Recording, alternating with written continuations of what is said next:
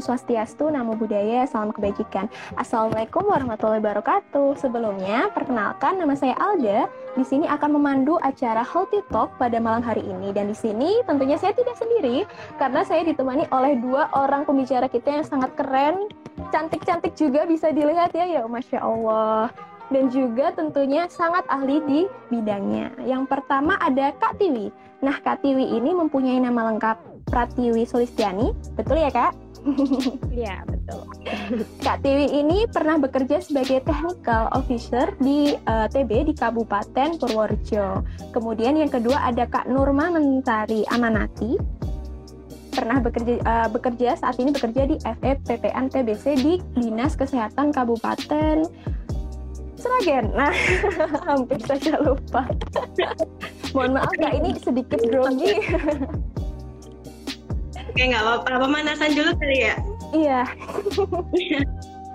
Nah, untuk keberjalanan Healthy Talk ke depannya, mungkin nanti kita fleksibel saja ya, Kak. Apabila Kak Nurma ingin uh, menanggapi atau menambahi apa yang um, sudah dijelaskan oleh Kak Tiwi dan juga sebaliknya, mungkin bisa langsung masuk saja seperti itu. Oke. Okay. Iya, oke. Okay. Nah, tanpa berbasa-basi lagi, mungkin kita langsung masuk saja ke pembahasan kita mengenai penyakit TBC. Mungkin uh, bagi teman-teman di sini masih sudah tahu lah apa itu TBC, mungkin bisa dijelaskan lagi Kak terkait apa ya dasarnya saja. Mungkin apa sih itu uh, penyakit TBC, kemudian apa juga tuh penyakit-penyakit uh, penyakit TBC itu apa sih penyebabnya, kemudian penularannya bagaimana sih, dan juga gejala dari penyakit TBC itu apa sih? Mungkin bisa dari Kak Tiwi terlebih dahulu Kak. Oke, makasih. Sebenarnya kayaknya uh, aku sama Mentari apa Nurma ya manggilnya ya? Top boleh di rumah boleh mentari boleh mentari aja oke okay. Oke, okay. aku kayaknya sama Mentari tuh masih dalam satu lingkup yang sama sih, ya kan? Dari iya, benar-benar juga ya. Iya sama ya, Mbak. Iya, oh, cuman penempatannya aja yang beda, gitu. Uh, Oke, okay. uh, sebelumnya mau menyapa teman-teman lagi. Halo teman-teman, uh, izin Budita mau menyampaikan nggak menyampaikan sharing-sharing aja sedikit di sini karena pasti Budita lebih ahli nih. Oke, okay.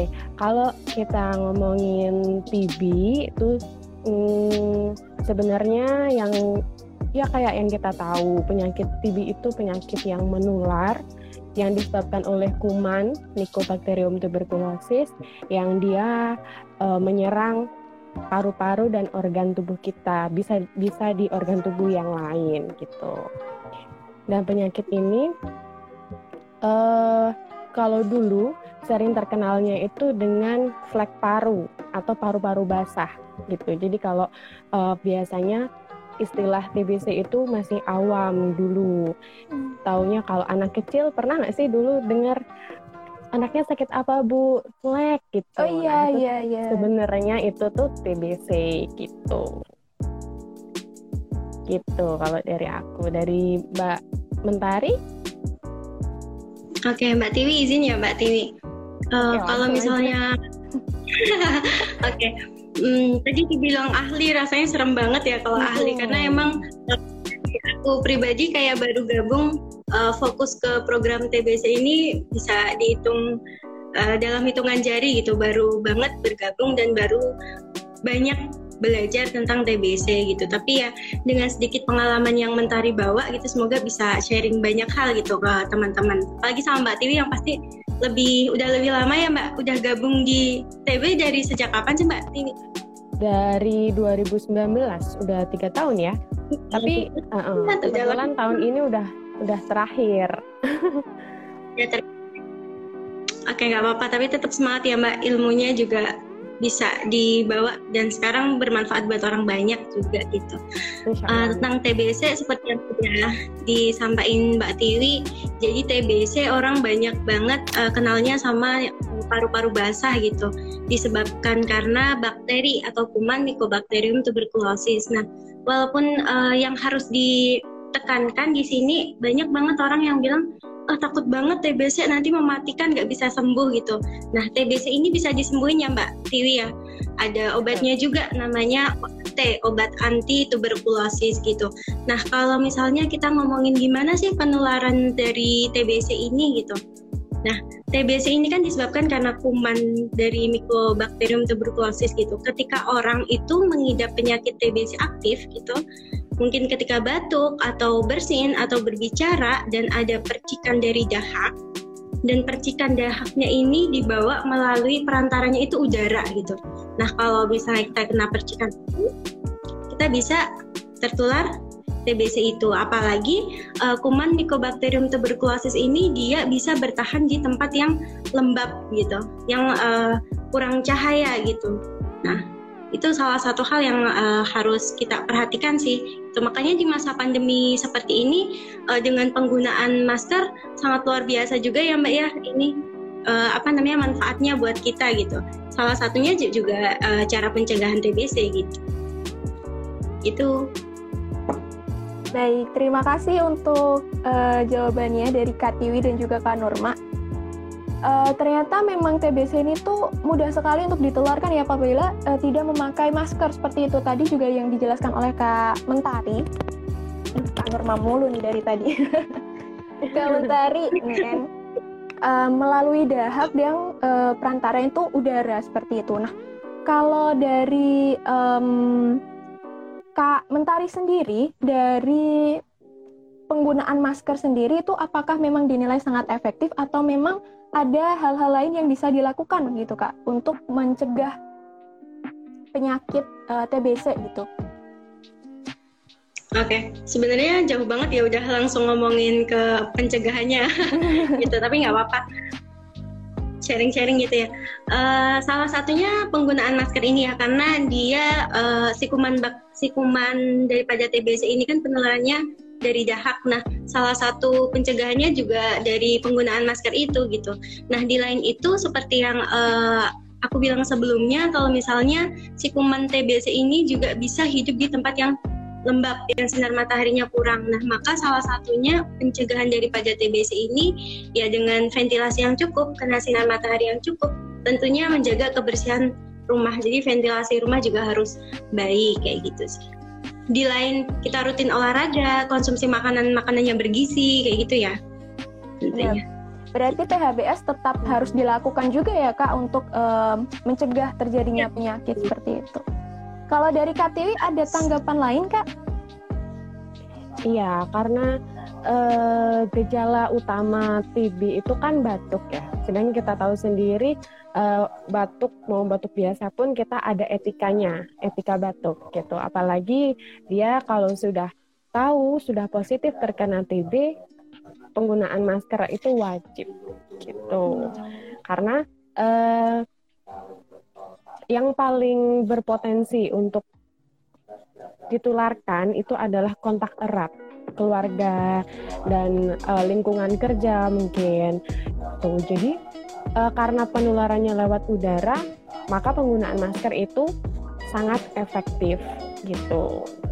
Baik, mungkin ini ya Kak izin menanggapi tadi uh, terkait kontak erat dengan keluarga ya. Nah, ketika kita ada nih salah satu keluarga kita yang um, terkena penyakit TBC ini ada nggak sih Kak hal-hal yang bisa diupayakan oleh pihak keluarga? Mungkin um, dari segi kebersihan atau apa yang bisa apa ya bisa menanggulangi atau bisa mengendalikan sehingga orang-orang uh, selain penderita TBC ini yang ada di dalam satu rumah itu tidak menderita penyakit yang sama seperti itu kak?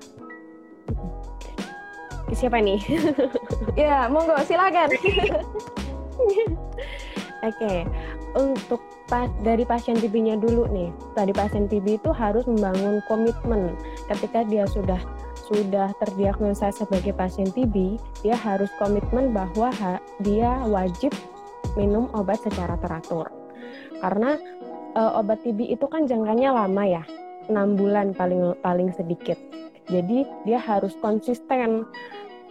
Uh, kalau dia minum teratur uh, selama enam bulan, dua bulan pertama itu udah efektif menurunkan resiko penularan. Gitu. Jadi uh, otomatis dia akan uh, menurunkan resiko menularkan ke keluarga terdekatnya gitu. Terus yang kedua, yang tadi sudah dijelasin juga sama Mbak Mentari, bahwa ventilasi, terus sirkulasi udara, sinar cahaya yang cukup, cahaya matahari yang cukup itu sangat efektif karena kuman TB itu bisa mati di bawah sinar matahari kurang lebih selama dua jam gitu.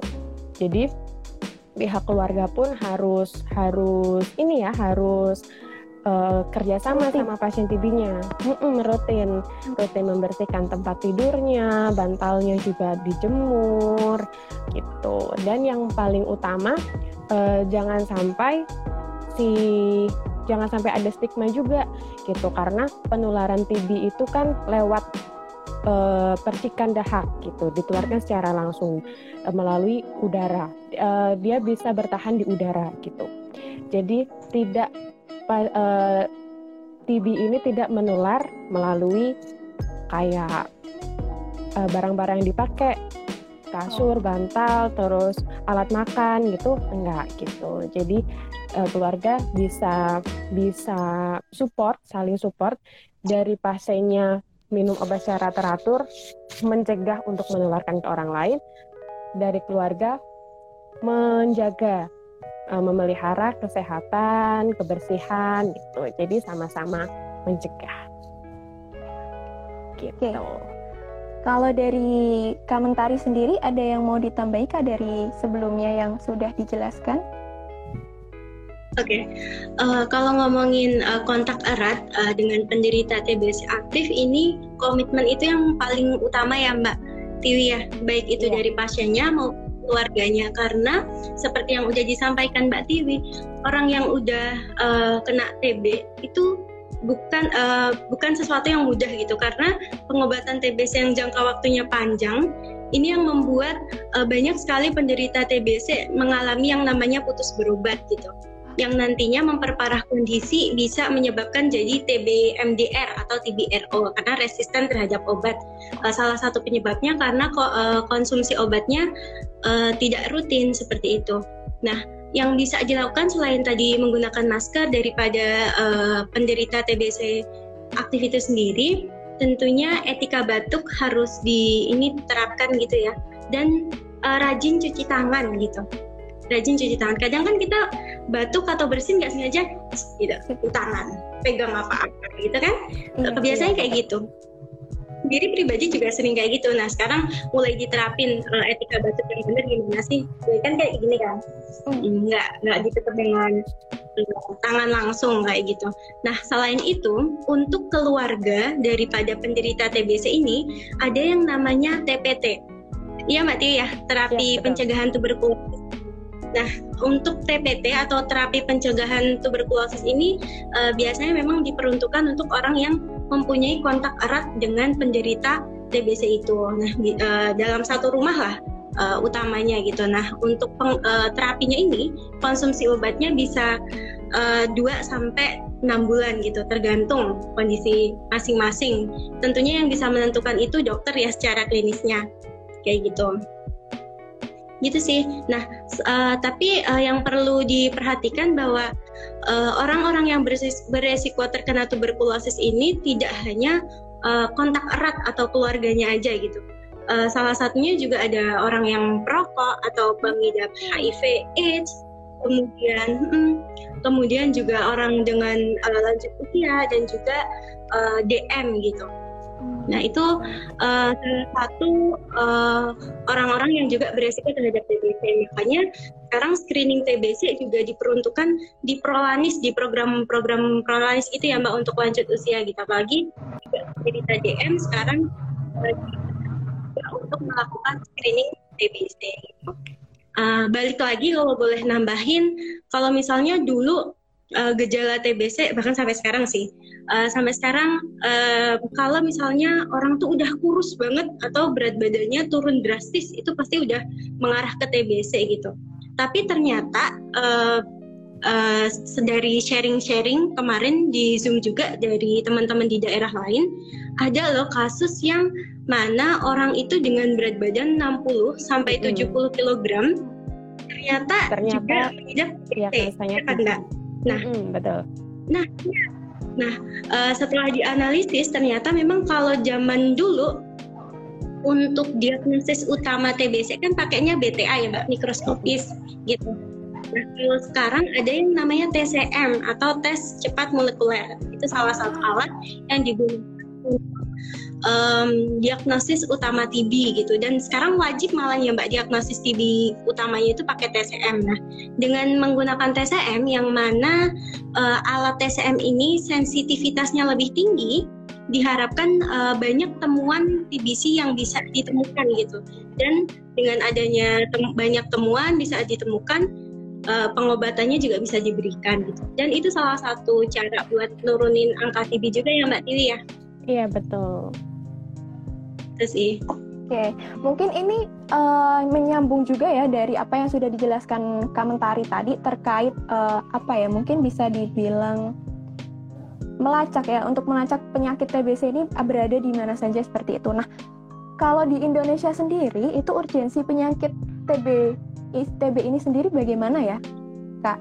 TV mungkin? Iya, kalau di Indonesia, Indonesia itu termasuk negara dengan dengan kasus TB yang banyak. Uh, ya, nomor tiga setelah India dan Filipina gitu. Jadi memang uh, masih menjadi program nasional yang yang masih diprioritaskan gitu. Cuman uh, memang uh, beberapa tahun ini terutama pada saat pandemi jadi agak turun nih penemuannya gitu. Masih jadi uh, program nasional. Masih menjadi banyak uh, mm, mm, mm, jadi uh, utama kegiatan utama yang yang digalakkan sekarang itu ada gerakan TOS TB gitu. Jadi TOSS TB gitu kayak gini. TOS TB itu temukan obati sampai sembuh gitu. Jadi yang pertama yang dilakukan itu temukan gitu. Nah, tadi nyambung yang yang Mbak Mentari jelasin dalam menemukan pasien TB itu kita uh, ada program pemerataan mesin TCM atau alat alat tes cepat molekular gitu. Jadi semua pasien yang bergejala maupun dia kontak erat gitu kita ambil dahaknya, diperiksa menggunakan alat yang namanya alat TCM. Gitu. Itu untuk meningkatkan upaya penemuan kasus TB gitu. Tadi tos gini ya, Kak ya? Ya. Tos gini ya. Ini teman-teman ada ada ada ini ada yang baru nih tos TB itu kayak gini ya teman-teman nah ini uh, Kak Tiwi dan juga Kak Mentari ini ada pertanyaan nih dari Budita mungkin bisa Aduh, dijawab nih Bu karena Kak Tiwi dan juga Kak Mentari ini kan bekerja memang uh, fokusnya di TB seperti itu. Nah, mungkin bisa menjawab nih pertanyaan dari Budita mengenai apa sih tantangan terberat dalam penanggulangan TBC di masyarakat? Mungkin bisa dari komentari dulu. Oke, Bu Jita terima kasih banyak untuk pertanyaannya. Bismillah harus pakai Bismillah nih jawabnya kalau Bu Jita. uh, selama uh, mentari kerja gitu ya, maksudnya belum lama ini di bidang TBC tentunya uh, apalagi kalau mentari FEPPM itu memang basically uh, terjun ke masyarakatnya lebih banyak gitu uh, karena ngurusin masalah jejaring juga gitu. Nah, tapi sebenarnya nggak langsung ke masyarakat, lebih kepada uh, eh, DPM ataupun klinik gitu yang ada di kabupaten atau uh, di Kabupaten Seragen gitu. Nah, tantangannya sendiri ternyata banyak sekali kasus baik itu di klinik atau di, di DPM atau bahkan juga di rumah sakit gitu. Ketika di anamnesa ternyata uh, anamnesa utama TBC kan yang paling pertama pastinya ditanya itu uh, sudah batuk berapa lama Bapak Ibu misalnya kayak gitu. Nah, ternyata banyak sekali pasien yang uh, tidak jujur gitu istilahnya. Itu salah satu kendalanya gitu. Tidak jujur dalam arti sebenarnya mungkin batuk sudah satu minggu tapi bilangnya oh baru dua hari ini atau baru tiga hari ini gitu. Apalagi di masa pandemi ini luar biasa banget tantangannya ya Mbak Tiwi ya. karena uh, masyarakat iya orang uh, uh, mau datang ke pelayanan kesehatan itu takut gitu. Kan awal-awal COVID juga kalau misalnya batuk, sesak nafas gitu pasti nanti uh, arahnya uh, ke COVID kan. Nah masyarakat itu takut akan hal uh, selain itu kalau tantangannya sendiri sebenarnya lebih kepada belum semua fasiankes terutama di DBM klinik itu berperan aktif juga gitu dalam penjaringan TBC gitu.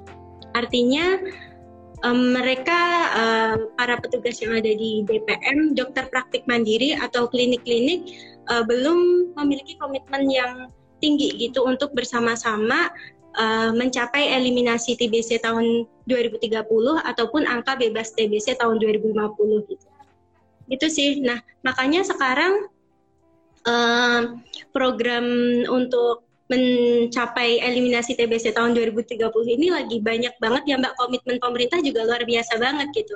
Salah satunya ada munculnya FEPPM kayak mentari gini. Nah, FEPPM ini salah satunya itu uh, untuk membantu jejaring eksternalnya. Artinya uh, pemerintah mengarahkan kami untuk bisa menggandeng teman-teman di berbagai lintas sektor atau lintas program. Ayo bareng-bareng nemuin tuberkulosis atau nemuin TBC gitu. Paling enggak pertama kali yang harus dilakukan jaring sebanyak-banyaknya orang yang punya gejala batuk uh, mungkin satu minggu uh, berdahak gitu. Ayo dijaring gitu. Dijaring untuk tes TCM gitu, tes BTA gitu entah itu nanti hasilnya positif atau negatif, setidaknya kita bersama-sama udah berupaya untuk menjaring suspek yang sebanyak-banyaknya. Gitu sih. Oke, ini dari Budita memberi tanggapan. Oh, berarti dari sisi regulasi sebenarnya mendukung ya, Dek? Sudah, uh, dengan adanya FEPPM ini banyak banget regulasi ya, Mbak ya ya Mbak Tiwi ya, maksudnya salah satunya keterlibatan daripada DPM klinik untuk ikut serta gitu dalam menemukan uh, terduga atau penemuan TBC-nya gitu.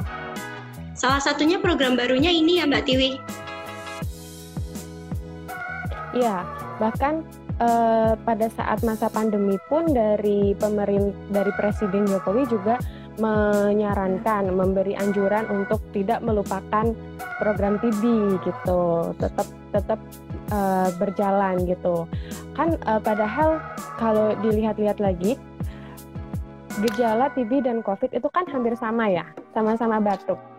Harusnya kan uh, kalau COVID-nya naik TB-nya juga naik dong karena kan banyak pasien batuk gitu. Tapi yang disayangkan itu karena um, pemeriksaannya, tenaga pemeriksanya, kemudian uh, sarananya, kemudian keterbatasan uh, kegiatan lapangan pada saat pandemi itu jadinya berpengaruh. Jadi yang harusnya tinggi malah TB-nya menurun. Gitu. Terus uh, nyambung tadi sama yang DPPM uh, sama yang uh, kayak jobdesknya Mbak Mentari ya itu jadi di program TV nasional itu ada namanya public private mix gitu. Jadi kerjasama antara lintas uh, sektor baik yang pemerintah maupun yang swasta gitu. Yang pemerintah nih ada puskesmas, ada rumah sakit uh, daerah gitu. Yang swasta ada dokter dokter praktik mandiri sama klinik dan lain-lain gitu. Jadi diharapkan ke depan ada kerjasama nih antara pemerintah dan swasta. Karena apa? Karena banyak sekali uh, pasien TB yang under reporting gitu. Banyak pasien kayak misalnya kita sakit nih batuk tapi kalau ke puskesmas kok kayak gengsi ya. Kayak obatnya terjamin nggak sih di puskesmas tuh gitu? Apalagi puskesmas yang uh, di daerah terpencil gitu. Orang-orang uh, dengan uh, golongan menengah ke atas utamanya dia pasti akan milih dokter uh, yang swasta rumah sakit swasta yang bagus gitu yang pelayanannya itu optimal gitu padahal uh, secara nasional obat TB itu sama mau di puskesmas, mau di klinik, itu intinya sama, uh, regimennya itu sama gitu. Jadi sama-sama kualitasnya juga terjamin gitu. Jadi diharapkan dengan adanya uh, kerjasama antara pemerintah dan swasta, nanti mau pasien TB ditemukan di mana pun, dia akan tercatat, dia akan diobati uh, dengan standar yang sama, kemudian dari uh, kontak erat orang serumah, orang yang bekerja sama-sama dia setiap hari itu bisa dilakukan tata laksana gitu. Karena tugas kita sebagai tenaga kesehatan itu nggak cuma mengobati gitu, apalagi kita sebagai penyuluh kesehatan atau promo, promotor kesehatan gitu. Kan nggak hanya mengobati nih si orang-orang yang dia kontak erat itu juga kita harus perhatikan gitu. Makanya ada program namanya investigasi kontak gitu. Setiap pasien pas, uh, setiap orang yang kontak dengan pasien TB itu harus diperiksa gitu. Mau dia sakit atau enggak, setidaknya diperiksa di tata laksana sesuai standar gitu.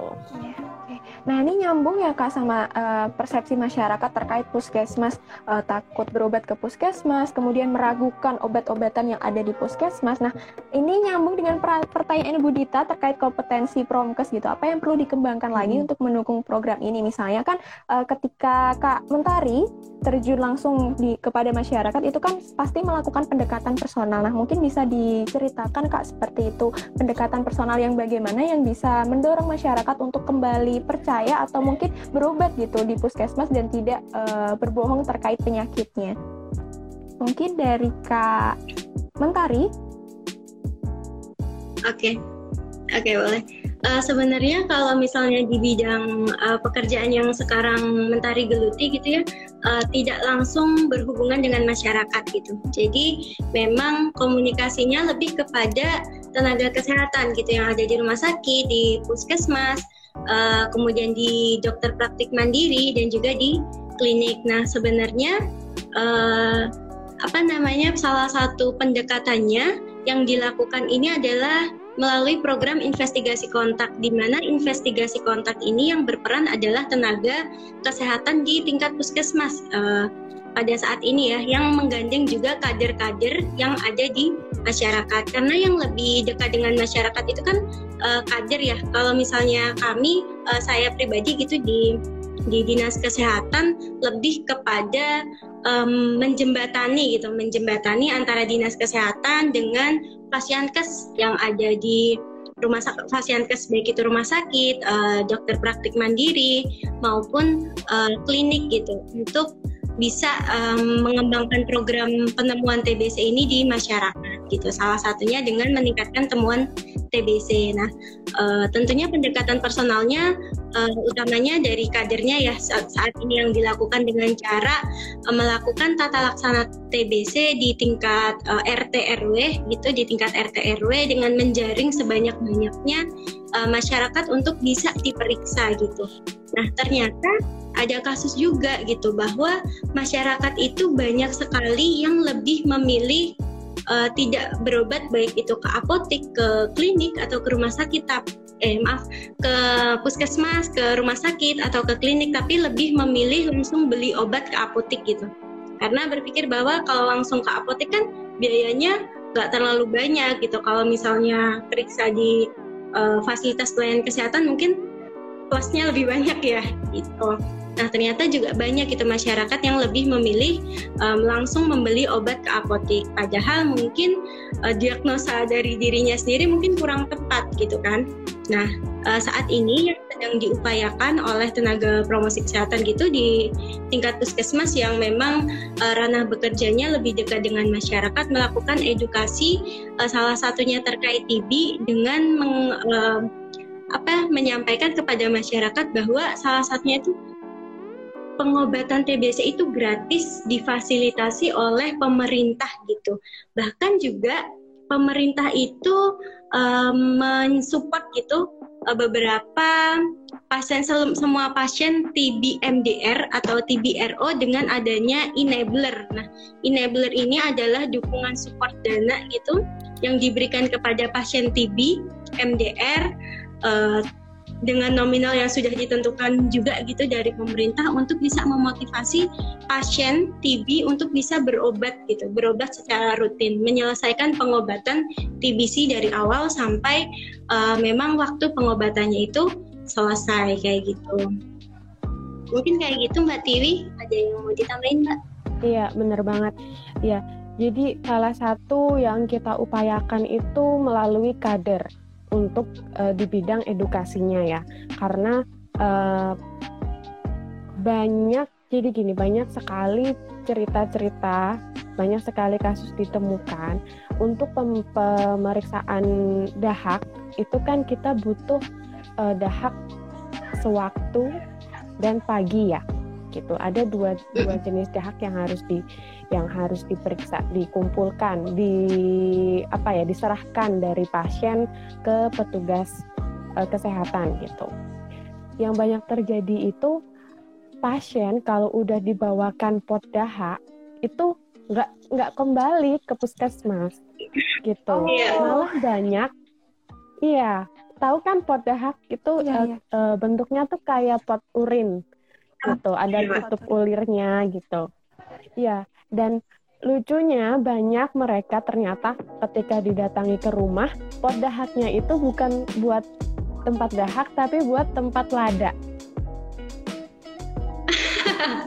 Iya, iya, iya banyak iya, banget iya. yang kayak gitu jadi banyak pot dahak yang nggak kembali ke petugas kesehatan karena ya itu tadi mereka entah alasannya merasa sudah lebih bagus tidak apa kondisinya terus ada juga yang takut gitu ada juga yang kurang peduli dengan kesehatannya gitu. Makanya uh, di bagian edukasi ini kita uh, gencar banget untuk edukasi dari mulai kadernya dulu gitu. Ada kita usahakan setiap uh, desa atau kelurahan itu punya kader TBC. Jadi kader itu sebagai perpanjangan tangan kita di uh, sebagai petugas kesehatan untuk menjembatani itu tadi gitu.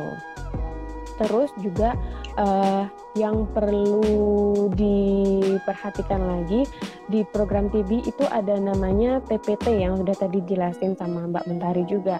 TPT terapi pencegahan tuberkulosis gitu. Jadi setiap orang yang kontak, orang yang beresiko kayak uh, orang dengan HIV/AIDS atau dia dengan DM itu uh, berdasarkan pemeriksaan terlebih dahulu itu uh, bagi yang layak mendapatkan obat pencegahan itu harus uh, diberikan obat tersebut dan diminum secara teratur gitu. Nah, itu ada banyak kasus di kita.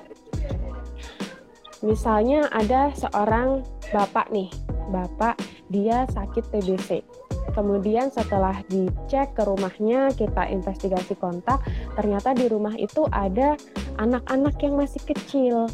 Itu anak balita, terus uh, lansia dan sebagainya. Terus uh, pem, dari petugas puskesmas itu ada kewajiban untuk memeriksakan, ya. gitu. Nah, yang menjadi masalah adalah ketika anak itu sudah diperiksa dan ternyata dia negatif, negatif tidak belum tertular TB itu dia sebenarnya diwajibkan untuk meminum obat pencegahan gitu selama kurang lebih 2 sampai 6 bulan gitu.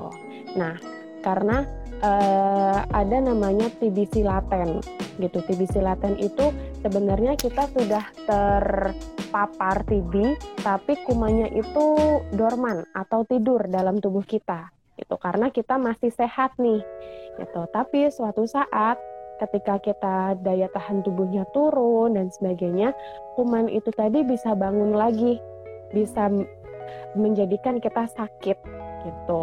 Nah, untuk mencegah TB itu ada namanya uh, profilaksis atau pencegahan itu tadi.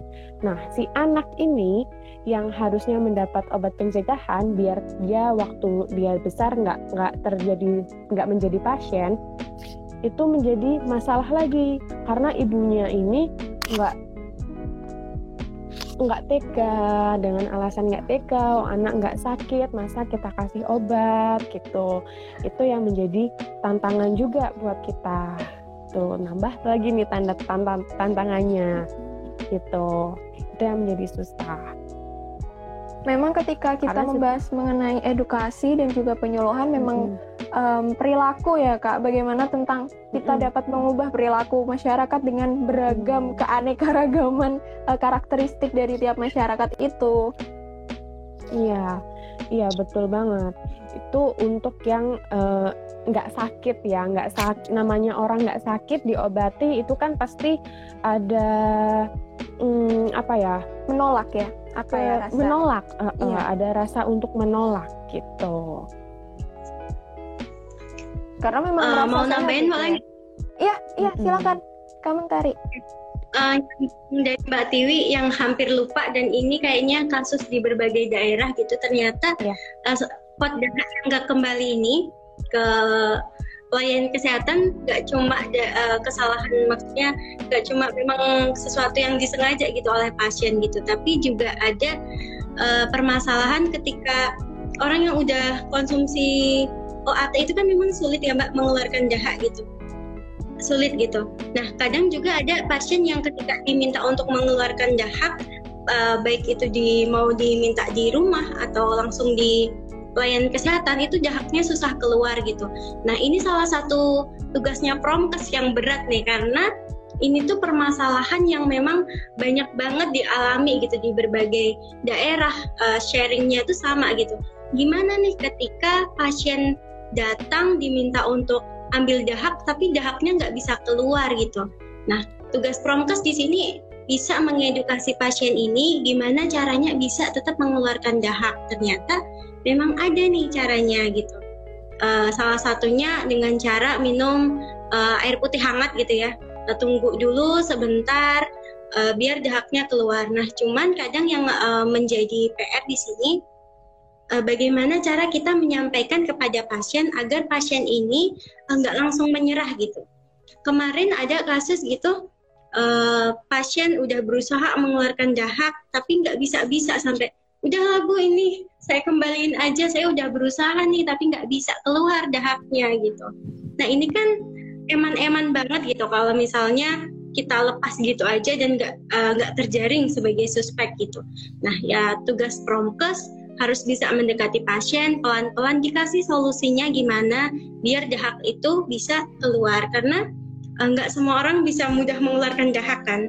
Apalagi kalau uh, pasien TB yang sudah mengkonsumsi OAT ini akan juga sulit mengeluarkan dahaknya untuk dilakukan follow up.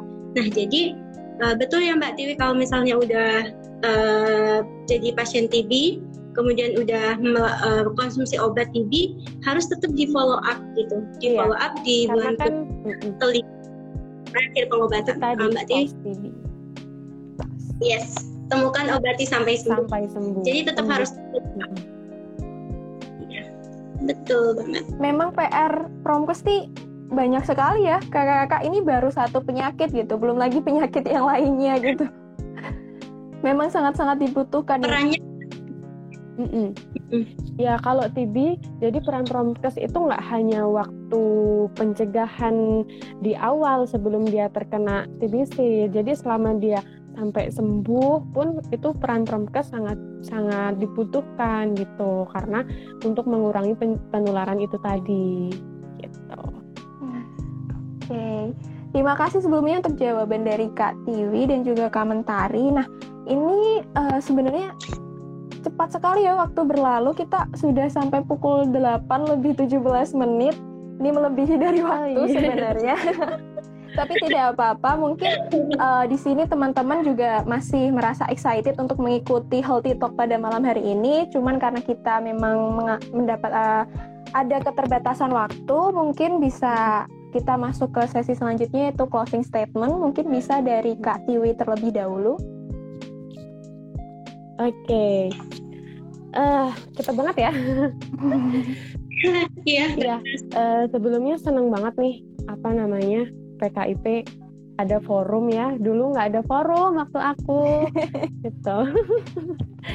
Semoga ini terus berlanjut. Oke jadi dari obrolan panjang kita tadi sebenarnya masih banyak banget dari dari TBC yang belum dibahas. Dari mulai ditemukan sampai dengan dia sembuh sampai pencegahan dan semuanya. Itu masih banyak banget yang belum. Tapi semoga apa yang kita sampaikan ini bisa ada sedikit yang membekas gitu di teman-teman semua yang dengerin gitu. Dan uh, yang perlu diperhatikan lagi kita uh, saat ini berusaha untuk mencapai eliminasi TBC tahun 2030 gitu. Karena uh, eh, TBC ini sudah menjadi program nasional dan menjadi penyakit yang membahayakan gitu. Karena mudah menular kemudian pengobatannya yang tidak murah dan tidak mudah gitu. Dan uh, resiko apabila dia uh, apabila pasien TB tidak teratur minum obat dan segala macamnya itu menjadi peran kita sebagai uh, promkes sebagai promotor kesehatan untuk terus jangan lelah untuk mengedukasi, untuk melakukan advokasi ke lintas-lintas sektor yang lain, terutama untuk uh, menggandeng dari pihak swasta biar bisa kerjasama terus sama uh, dari pihak pemerintahan. Jadi semua program yang sudah te, sudah terencanakan bisa berjalan gitu. Terus uh, apa namanya? Untuk jangan jangan lupa juga sebagai promotor kesehatan kita harus selalu mencontohkan gitu dari PHBS terutama itu uh, kunci pencegahan segala penyakit kayaknya ya. Nah, mungkin itu. Baik, terima kasih untuk closing statement dari Kak Tiwi. Mungkin selanjutnya bisa dari Kak Mentari untuk memberikan closing statementnya. Oke, sebelumnya makasih banyak. Ternyata cepet banget gitu. Kayaknya baru banget ngobrolin, kayak baru pengenalan TPC aja sih ya Mbak? Masih banyak banget sebenarnya ingin disampaikan. Uh, semoga lain waktu bisa sharing lagi gitu ya tentang TBC gitu. Uh, kalau dari aku pribadi sebenarnya maksudnya ngomongin TBC atau masalah penyakit lainnya itu kita nggak bisa kerja sendirian atau kita nggak bisa meningkatkan kesehatan sendirian gitu. Perlu banget namanya kita menggandeng uh, menggandeng lintas program, lintas sektor dan peran uh, untuk meningkatkan kesehatan itu peran semua orang gitu, semua orang. Tidak hanya tenaga kesehatan saja, tidak hanya uh, petugas di bidang promosi kesehatan saja gitu. Nah, sebenarnya untuk mencapai uh, yang namanya tingkat kesehatan derajat kesehatan masyarakat di sini bisa dimulai dengan kita melakukan edukasi ke orang-orang terdekat gitu. Kita nggak usah ngomongin maksudnya gimana caranya kita bisa uh, untuk promosi di masyarakat luas tapi kita mulai dengan orang-orang yang paling dekat dengan kita dengan keluarga terutama gitu. Uh, apalagi dengan diri sendiri gitu. Aku sendiri kayak di masa pandemi ini merasa uh, aku nih orang kesehatan tapi uh, pola hidup aku keseharian aku belum bisa mencerminkan uh, sebagai orang kesehatan yang luar biasa ya yang seutuhnya gitu. Salah satu juga. Tentang PHB S atau hidup yang lebih sehat rutin olahraga dan makan makanan yang bergizi gitu. Nah tapi um, namanya berusaha ya maksudnya kita berusaha untuk bisa menerapkan itu dari diri sendiri terlebih dahulu utamanya kemudian kita ajak orang-orang terdekat kita baru kita bisa menggandeng masyarakat yang lebih luas lagi. Nah, terkait dengan TBC ini Indonesia sedang uh, berupaya mencapai angka bebas TBC di tahun 2030 dan eliminasi TBC di tahun 2030. Kayaknya ngerasa ah, masih lama, masih 8 tahun lagi gitu. Nah, itu yang jadi permasalahan di diri kita gitu ya. Ma, uh, suka menunda-nunda uh, selalu berpikir bahwa satu tahun dua tahun itu masih lama gitu. Padahal hari itu uh, berganti cepat gitu. Makanya kita mulai dari diri sendiri dulu. PHBS-nya diterapkan uh, kemudian juga pola hidup yang lebih sehat dari diri sendiri dulu. Gitu sih. ya dan ada yang lupa TBC itu bukan penyakit kutukan. TBC bisa disembuhkan. Yeah.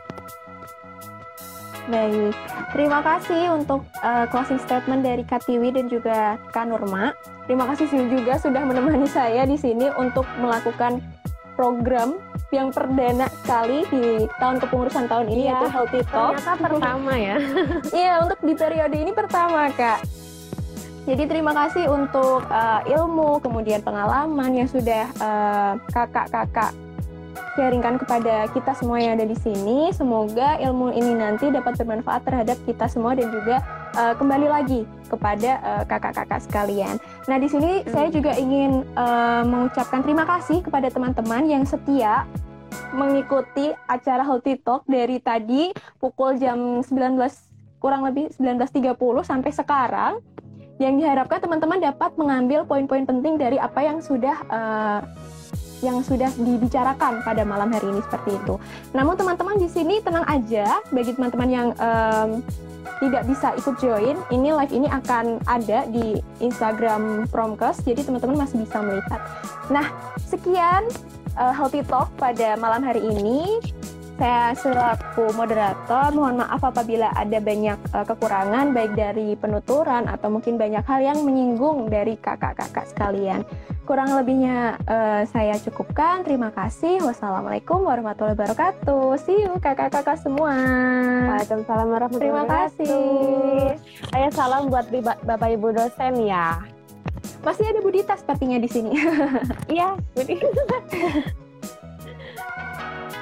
Baik, saya N ya. Terima kasih semuanya. Dadah. Terima kasih. Bye.